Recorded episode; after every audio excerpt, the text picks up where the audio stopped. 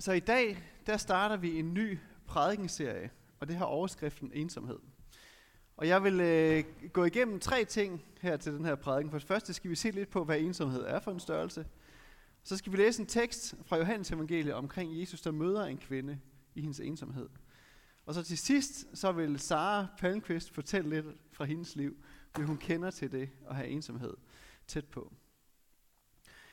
Men lad os bare lige kort starte med en definition af, hvad ensomhed er. Det er at være ufrivillig alene. Det er ensomhed, at være ufrivillig alene. Prøv at tænke på en situation fra dit eget liv, hvor du har været ufrivillig alene. Det kan være, at du har siddet i kantinen og spist din madpakke selv, hvor du egentlig gerne vil have siddet sammen med nogen. Eller en lørdag aften, hvor du gerne vil have lavet sammen med nogle mennesker, men øh, det kunne ikke lade sig gøre. Det kan også være en samtale, du har, hvor at, øh, du faktisk ikke føler dig mødt eller forstået. Så selvom du sidder og snakker med en, så føler du dig faktisk stadigvæk alene. Så prøv at tænke på en situation i dit liv, hvor du var ufrivillig alene.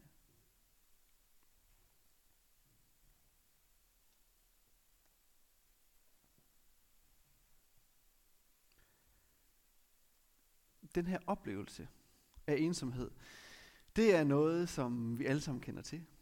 Det er noget, vi mennesker, vi har til fælles. Og det er faktisk slet ikke farligt. Det er en del af det at være menneske. Der hvor ensomhed det bliver et problem, det er når det er langvejt. Når det bliver ved over lang tid, kan det begynde at sætte sig spor i os. I mit øh, arbejde med den her prædiken, der stødte jeg på en artikel om en, der hed Nana. Hun er adoptivbarn, og hun reflekterede over sit liv, dengang da hun gik i skole, hvor hun øh, oplevede at blive drillet og holdt udenfor. Og hun siger sådan her om sin skoletid. Jeg var dårlig til at sige fra. Det gjorde, at jeg trak mig fra fællesskabet. Jeg er sikker på, at det har påvirket mig som barn. Det har i hvert fald haft betydning for min ensomhedsfølelse den dag i dag. Det har fået mig til at føle, at jeg ikke er god nok. At jeg hele tiden skal bevise, at jeg gerne må være her. Så Nana, hun kender til ensomheden. Også på den lange bane. Og ensomhed kan faktisk blive rigtig skadelig for os, når det bliver ved på den lange bane. Det kan føre til angst, hovedpine, søvnproblemer, nervøsitet, problemer med at koncentrere sig. Det kan føre til selvisolation. Måske er der nogle af os her, der kender til konsekvenserne af ensomhed på den lange bane. Det er faktisk 8% af danskerne kender til det, eller 380.000 danskere oplever ensomhed i en grad, der er mangeårig, eller som kan give en svær tilstand. Og hvis man oplever det, så begynder man virkelig at mistrives. Det er udbredt, og det er voksne, og det er faktisk særligt voksne blandt unge mennesker. Hver femte mand og hver fjerde kvinde i alderen 16 til 24 år oplever ensomhed. Ikke bare sådan, man kender til følelsen af ensomhed, men oplever ensomhed, hvor det begynder at sætte sig spor i ens liv. Prøv at høre, hver femte mand, hver fjerde kvinde i alderen 16 til 24 år. Jeg synes, det er så trist. Og det går kun én vej, desværre. Som ensomheden, den er her. Og den gør noget ved os. Jeg er sikker på, at Guds hjerte smertes over det. Og vores hjerte må gerne smertes over det. Og jeg synes, det er et vigtigt spørgsmål også at stille os som kirke. Hvad er det, vi kan gøre ind i den brudhed, der er i vores verden? Og så ensomhed, det er ikke bare sådan ensomhed. Ensomhed er faktisk sådan flere, det kan have flere forskellige ansigter. Og jeg har taget en lille model med her, som kan vise i hvert fald tre typer af ensomhed, som man sådan typisk snakker om. Der er social ensomhed, og det er det at være alene.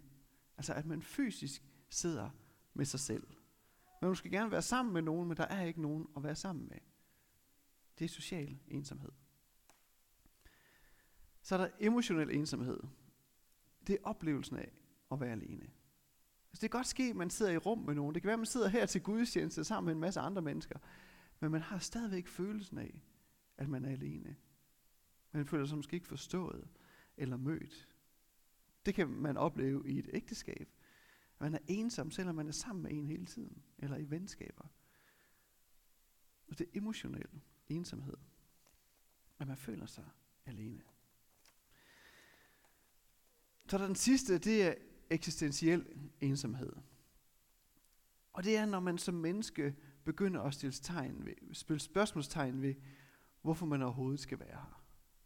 Har man noget at bidrage til i den her verden med? Og den følelse, den kan opleves. Der er jo en dyb ensomhed i det. Og det kan være, at nogle gange oplever man måske, hvis man øh, der kommer ud for en svær ting i livet, måske funktionsnedsættelse eller et eller andet, og man synes ligesom, det man kunne, det bidrag man havde, det har man ikke længere. Det kan også være, at det kommer med alderen. Hvorfor skal jeg overhovedet være her? Så ensomhed er ikke bare ensomhed, det kan se ud på mange forskellige måder. Det kan også ske, selvom man er sammen med nogen, at ensomhed stadigvæk er på spil. Jeg synes faktisk, det er en stor hjælp at lige at få skilt det lidt ad og se, okay, hvordan kan ensomhed se ud? Vi skal læse en tekst nu, hvor Jesus møder en kvinde.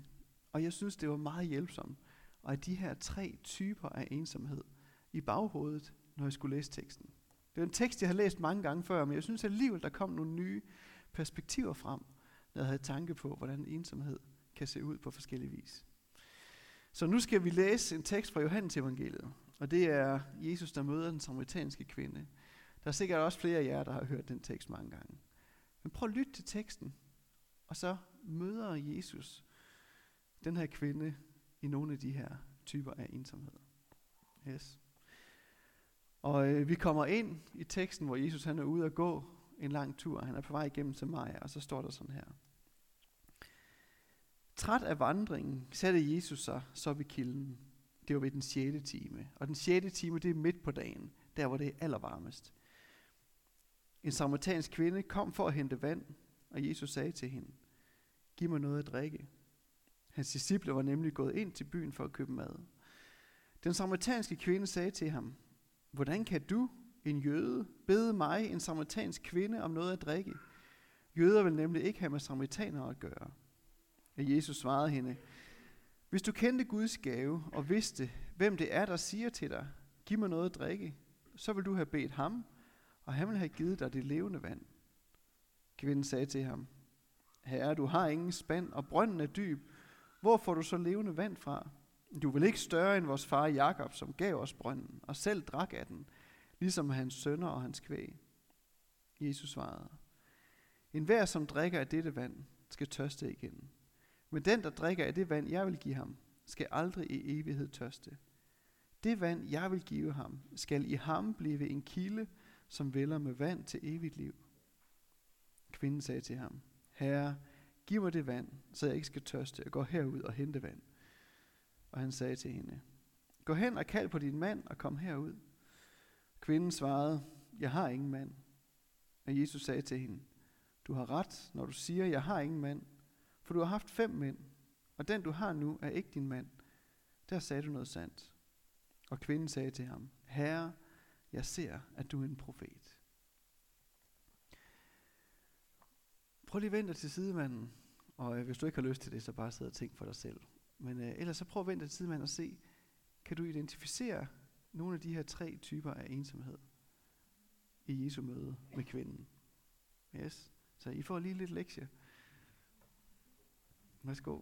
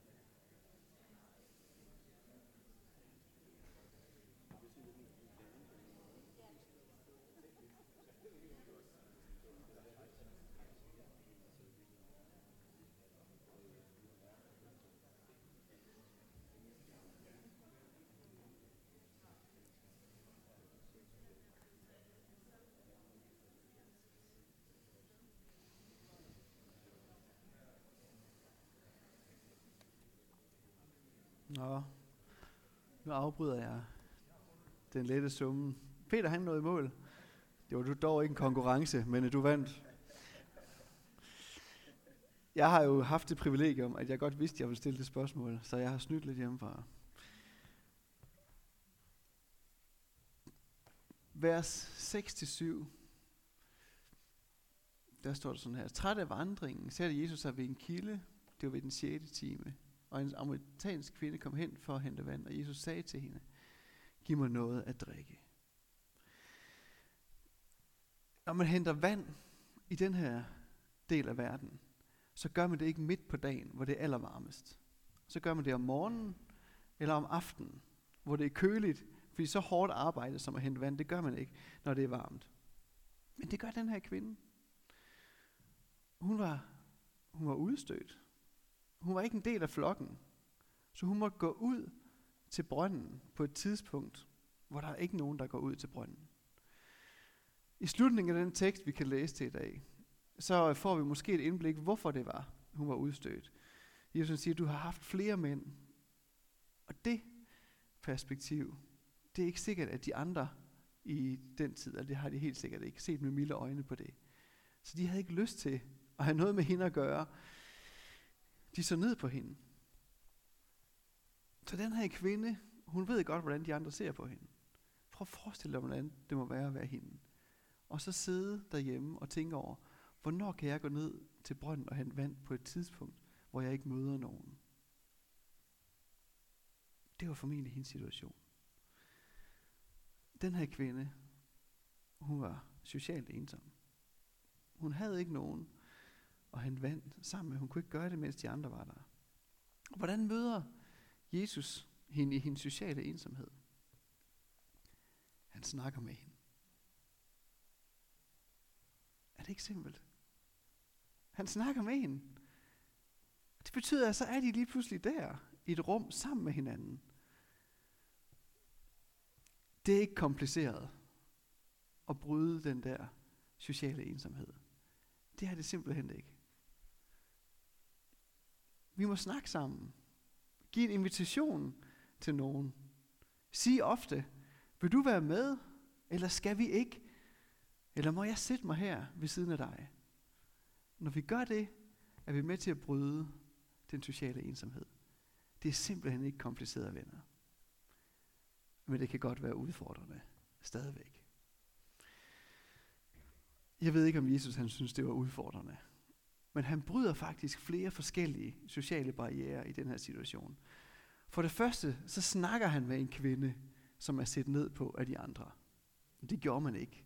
Man holdt hende jo udenfor og lod hende være. Ikke? Det gør Jesus. Det er en barriere, han bryder. Så har han en mand, der snakker med en kvinde.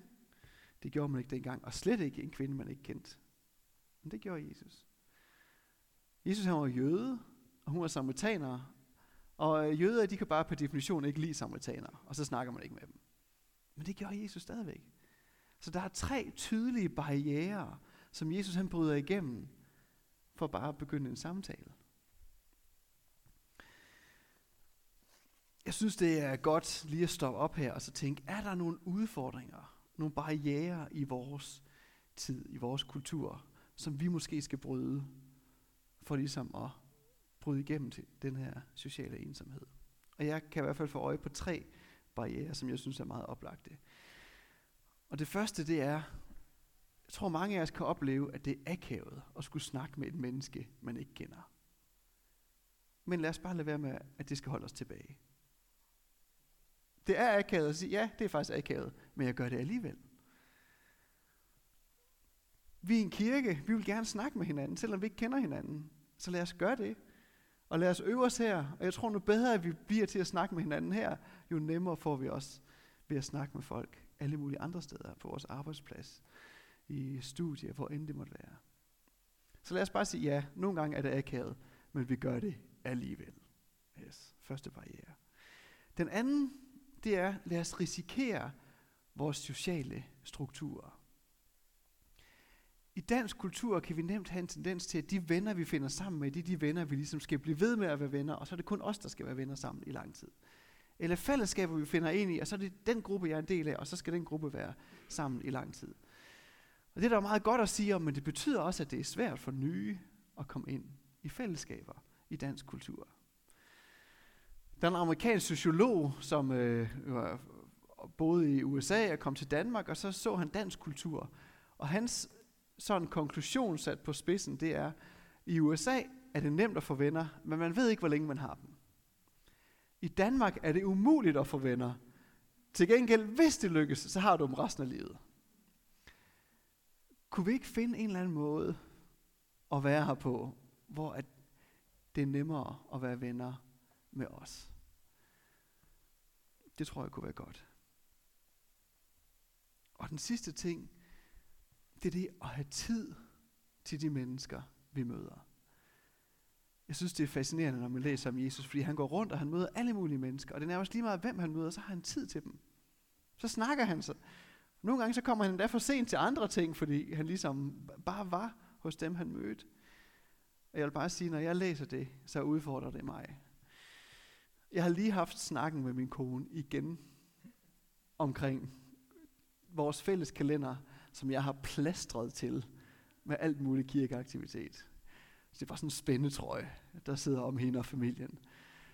Og det gør, at det kan være svært at være spontan om noget som helst, eller at finde en chance for at mødes med nogen, fordi alt er bare duk, duk, duk, duk. Så når jeg læser den her tekst, så tænker jeg, har jeg, har jeg egentlig fået lavet et liv, hvor der ikke er plads til de mennesker, jeg møder, som måske havde brug for, at jeg havde plads til dem? Og, øh, så det tror jeg i hvert fald er en udfordring, som flere af os måske kan genkende. Har vi fået indrettet os på en måde, hvor der simpelthen ikke er tid til de mennesker, vi møder, selvom de havde brug for det. Ja, så dem kan man jo tage og tykke lidt på, de tre. Lad os bare omfavne. Det er akavet. Lad os gøre det alligevel. Lad os risikere vores sociale strukturer. Og så lad os skabe tid i vores liv til de mennesker, vi møder. Jeg ved ikke, om det var naturligt eller udfordrende for Jesus at begynde at snakke med den her kvinde. Men jeg tror, hans hjerte for hende, da hun, han så, hun kom ud til brønden på det her tidspunkt, det blødt. Det tror jeg. Han kendte Guds hjerte for kvinden. Og han hjalp hende ud af den her sociale ensomhed.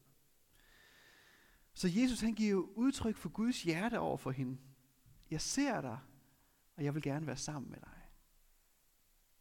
Og Gud hjælp os til at få det hjerte for de folk, der er omkring os, til at se folk i deres ensomhed og hjælpe dem ud af det. Nå, så Jesus hjælper hende og møder hende i hendes sociale ensomhed. Den emotionelle ensomhed, er den på spil i teksten? Oplever kvinden sig mødt og set af Jesus? Ja, det tror jeg faktisk, hun gør. Og jeg synes, det er en meget fascinerende måde at det sker på. Når jeg læser den her tekst, så synes jeg først, så lader det som om, at deres er samtale med hinanden. Altså der snakker de faktisk ret meget forbi hinanden. Hun snakker om en brønd og nogle dyr, der skal have vand og sådan noget, og han snakker om en levende kilde, og man har fornemmelsen af, at de connecter ikke rigtig lige i den der samtale. Men så sker der noget helt vildt fascinerende i vers 16-19 her. Så siger han til hende, gå hen og kald på din mand, og kom herud. Og kvinden svarer, jeg har ingen mand. Og Jesus sagde til hende, du har ret, når du siger, jeg har ingen mand. For du har haft fem, og den du har nu er ikke din mand. Der sagde du noget sandt. Og kvinden sagde til, til ham, Herre, jeg ser, at du er en profet. Og de her ord, Herre, jeg ser, at du er en profet, jeg tror, de har lyttet med glæde. Jeg tror ikke, det har været sådan skamfuld. Uh, mm, jeg ser, at du er en profet. For senere så kan vi læse om, hvordan hun går ind i byen, og så siger hun til dem alle sammen, kom ud og se, mød en mand, som ved alt om mit liv. Og det tror jeg ikke, man gør, med mindre man lige har oplevet noget godt. Men det gør hun.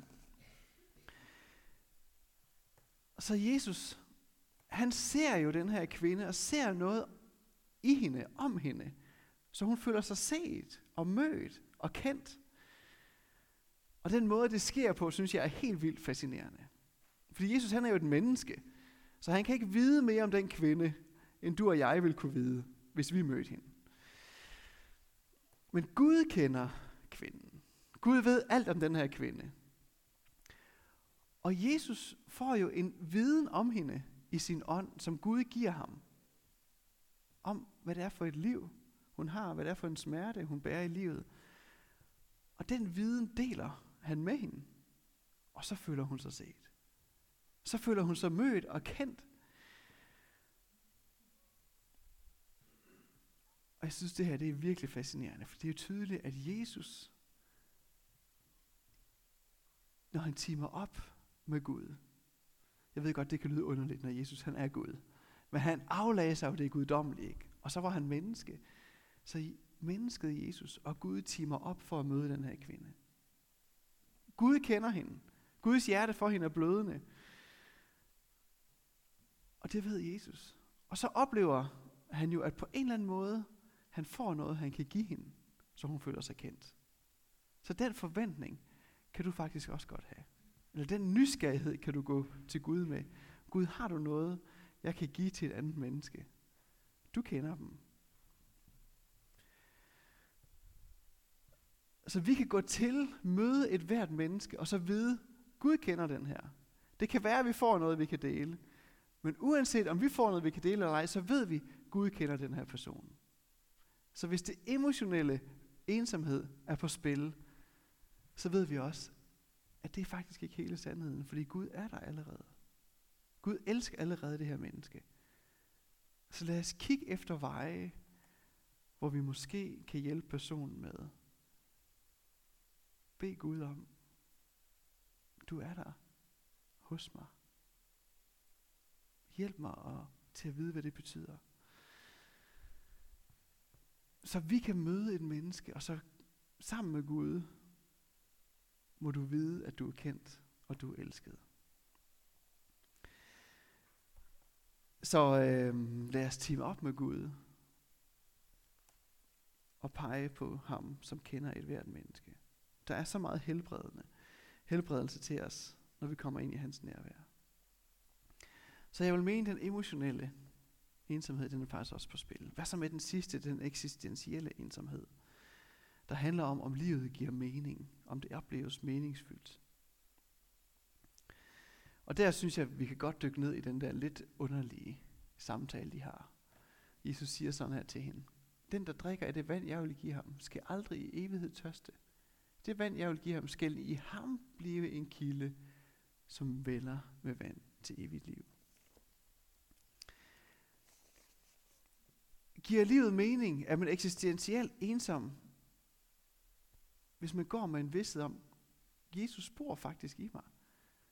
Og ham i mig kan faktisk bringe liv til de mennesker, jeg møder på min vej. Han er allerede til stede, og han vil faktisk bruge mig til at hjælpe folk ud af deres ensomhed, til at bringe liv. Han kan i mig være en kilde. Jeg tror, hvis man ved, at det er sådan, og når man måske i momenter får lov at opleve, at det rent faktisk sker, så tror jeg ikke, man oplever, at man er eksistentielt ensom. Fordi så giver livet mening. Fordi han giver mening. Og han vil være i os, og han vil bruge os. Jeg synes, det var spændende at læse den her tekst. Med tanke på, hvordan ensomheden er på spil. Jeg synes, det er tydeligt, at Jesus han møder den her kvinde på forskellige planer. Og møder hende i hans ensomhed og hjælper hende ud af den. Nu skal vi høre, og en, som kender lidt til ensomheden, vil ikke give sig en hånd.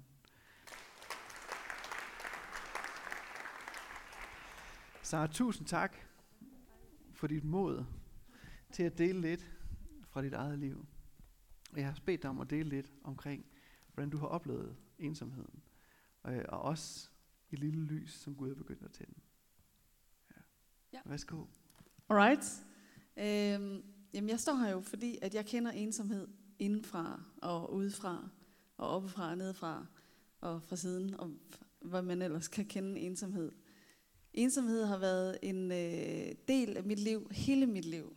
Nu er jeg lige fyldt 41. Og øh, igennem hele min opvækst var ensomhed så gennemgående en følelse, som jeg bar rundt på. Øh, fordi jeg følte ikke, at der var nogen omkring mig, som savnede mig, eller som manglede mig, eller som opsøgte mig. Øh, når jeg havde brug for hjælp, vidste jeg ikke helt, hvem jeg skulle spørge. Øh, igennem hele skoletiden følte jeg mig meget, meget alene og ensom, og havde ikke nogen at snakke med. Og alle de her tre dimensioner var helt klart på spil hos mig. Og, og fordi det var i så mange år igennem min opvækst, så forplantede det sig som en del af min identitet. Så jeg blev ensom igennem hele mit væren. Det begyndte at forme mig, også i forhold til de valg, jeg så tog, når jeg sådan skulle være en del af nogle fællesskaber. Det var først efter, øh, da jeg flyttede hjemmefra efter efterskolen, så begyndte jeg at blive en del af et fællesskab øh, på en måde, som jeg aldrig havde prøvet før, og blev valgt til ind i det. Og selv der følte jeg mig ensom, og kunne nogle gange sidde mellem de her mennesker, og kigge rundt på dem og tænke, der er ikke nogen af dem, der vælger mig aktivt til lige nu. Ville det være bedre, hvis jeg ikke var her? Ensomheden blev sådan farlig, fordi at den blev en adgang til, at jeg jo bare sådan kunne øh, fordampe og forsvinde og gå i et med væggen, uden at nogen opdagede det. Sådan, sådan oplevede jeg ensomheden, at den var så stærk, at den tog mig med, så jeg forsvandt ind i væggen nærmest. Og øh, derfor blev det også farligt for mig at være alene hjemme. Og ikke bare sådan en enkelt dag eller to, det kunne jeg godt, men sådan for eksempel i forbindelse med jobskifte eller et eller andet, hvor jeg så har haft nogle måneder, hvor jeg har gået rundt alene derhjemme, og sådan har ventet enten på min mand eller mine børn, der skulle komme hjem, at der blev jeg faktisk deprimeret af at gå hjemme. Jeg kunne ikke holde ud og være der, fordi alle mine følelser, alle mine ensomhedsfølelser blev bare plastret ud på alle vægge. Jeg var ved at blive kvalt af det, og blev virkelig deprimeret. Fik nærmest sådan noget, der mindede om en depression af at være alene. Jeg kunne ikke holde det ud. Fordi tænk nu, hvis folk glemte, at jeg eksisterer. Tænk nu, hvis folk nyder, at jeg ikke er der. Eller tænker, puh, det er godt, så jeg ikke er her. Der var ikke nogen, der ventede på mig. Der var ikke nogen, der manglede mig. Der var ikke nogen, der stod og kiggede på hvornår kommer Sara. Der var ikke nogen, der ringede. Jeg kunne ikke holde det ud. Og øh, så for to år siden, da i august 2020, som mange af jer ved, så sprang jeg ud i at følge et kald, som jeg havde mærket i mig i øh, mange år faktisk, hvor Gud han har kaldet mig til at blive selvstændig og være hjemme og arbejde hjemmefra. Og jeg har simpelthen mærket, at det har vokset i mig igennem mange år, men har bare sagt, nej, jeg vil ikke. På grund af ensomheden. Jeg, simpelthen, jeg vil ikke. Jeg tænkte, jeg kan ikke holde ud, at jeg skal have en tilværelse, hvor jeg skal sidde alene derhjemme. Det kommer ikke til at ske. Men for to år siden, så, måtte, så, så var jeg bare nødt til at gøre det alligevel. Fordi jeg kunne godt, i sidste ende ville jeg egentlig gerne være der, hvor Gud han ville have mig. Så jeg jeg trådte ud i ensomheden, og så gjorde jeg det. Og jeg har også sagt til mange, når de sådan har spurgt, hvordan er det, bla bla, hvad laver du? Ensomheden er den værste. Og det har jeg, jeg har snakket, altså der er flere, der sådan har sagt, om du kan jo da komme hjem til mig og sidde, eller du kan sidde herinde i kirken, eller jeg har sådan prøvet mange modeller af, men jeg kan også godt se, at hvis jeg skal kunne gennemføre det arbejde, som jeg egentlig skal lave, så er jeg nødt til at være alene hjemme. Jeg kan ikke sidde i rum sammen med andre og arbejde, jeg er nødt til at være her. Mig, Helion, mig selv, mine egne tanker osv.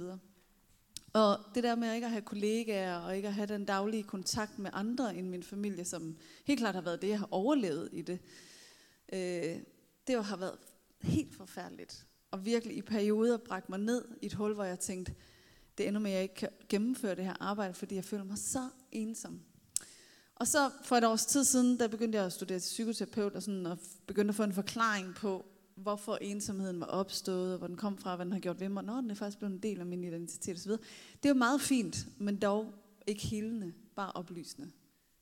Og i august måned på et tidspunkt, så sad jeg og havde en af de her formiddage, hvor jeg sad og snakkede lidt med Helion og læste min bibel og snakkede rigtig meget med Gud om den her ensomhed igennem mange år. Og bare følte, at den voksede bare. Forstod simpelthen ikke, hvorfor Gud han havde kastede mig ud i mit værste, mit aller værste sted, som var ensomhed. Altså, hvad tænker du på? Er arbejdet så meget vigtigere for dig end min ensomhed? Og så sidder jeg og snakker med ham, og så siger Gud, så hører jeg ham sige, Sara, du er ikke ensom mere. Og så sad jeg og tænkte, mm, hvad mener du? Hvad? Du er ikke ensom mere, siger han igen. Og så fik jeg sådan en masse billeder af mennesker i mit liv. Familie, venner, som jeg ser enten på ugenlig basis, eller som jeg tit snakker i telefon med. Mennesker, som jeg kan spørge, når jeg har brug for hjælp. Mennesker, der vælger mig til hele tiden. Øh, en masse forskellige fællesskaber, altså mange fællesskaber, som jeg er en del af, hvor jeg ved, at folk nyder, når jeg er der, hvor jeg bliver valgt til, hvor jeg ikke behøver at gøre mig fortjent for at blive valgt til. Mennesker, der har valgt mig til igennem 20 år. Mennesker, som er helt fra min ungdom, som faktisk stadigvæk er mit liv, fordi de gerne vil have det. Altså alle de her billeder af de her mennesker, hvor jeg bare tænkte, what? Og så kunne jeg mærke det inden i mig selv. Jeg er faktisk ikke ensom mere. Jeg har nogen at snakke med. Jeg bliver valgt til. Jeg bliver valgt til hver dag. Der er nogen, der savner mig. Der er nogen, der har brug for mig. Der er nogen, der venter på mig. Alle de her ting. Og, øh, og så var der sådan, som om der var en knude, den her sådan nærmest ensomhedstraume, kunne man næsten kalde det, inde i mig, som sådan sprang i luften. Og ikke sådan voldsomt, hvor jeg bare tænkte, wow, hvad skete der? Men mere bare sådan en følelse af noget, der bare psh, blev forløst. Og så sad jeg der i stillhed og tænkte, jeg er ikke ensom mere. Og det, det har gjort for mig siden, det er, at nu nyder jeg virkelig at sidde alene derhjemme og arbejde. På en helt anden måde, end jeg nogensinde har gjort før. Så meget, at da min mand Frederik han sagde til mig her for nylig, at hvis den her inflation den bliver ved, så kan det være, at du skal få dig et lille job. Så skal jeg se ud og have et arbejde. Hvor jeg bare tænkte, hold op, jeg kunne lige mærke, at min ensomhed, den er faktisk truet. Jeg kan godt lide at sidde derhjemme. Og det er ikke fordi, at jeg ikke savner den daglige kontakt med mennesker. Jeg savner virkelig at have kolleger og alle de her ting. Men det er ikke ensomhed, der driver det længere.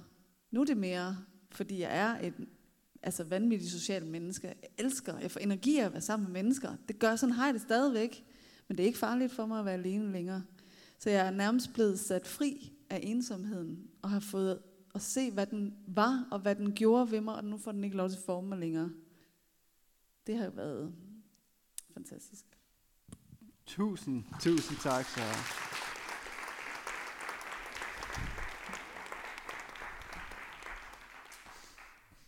Tak for at dele for dit liv, og også det håb, som det bringer, når, hvis man står i ensomheden.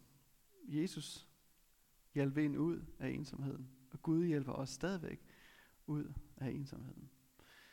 Nu vil vi have lidt tid, hvor vi kan synge sammen, og øh, man kan jo sidde og tænke over, hvordan ser det her ud for mig i forhold til ensomhed. Det kan også være, at man kunne prøve at tage sådan et øh, 360 graders blik rundt på sit liv. Hvad er det for nogle mennesker, som jeg omgås? Er der nogen af dem, som jeg rent faktisk kunne møde? Fordi måske kender de til ensomheden. Og hvis der er nogen, der gerne vil, at øh, vi beder sammen, så kan vi gøre det her nede bagved. Det kan jo, du kender til den her følelse, og bare længes efter, når jeg er alene. Gud, må jeg, må jeg vide, må jeg få lov at mærke, at du er der. Det vil vi meget gerne bede for. Det kan også være noget helt andet. Så øh, i forhold til forbøn, så hvis man allerede begynder at have diskussion med sig selv, skal jeg gå ned og blive bedt for, så bare stop diskussionen, og så bare gå derned. Der sker kun gode ting, når vi beder for hinanden.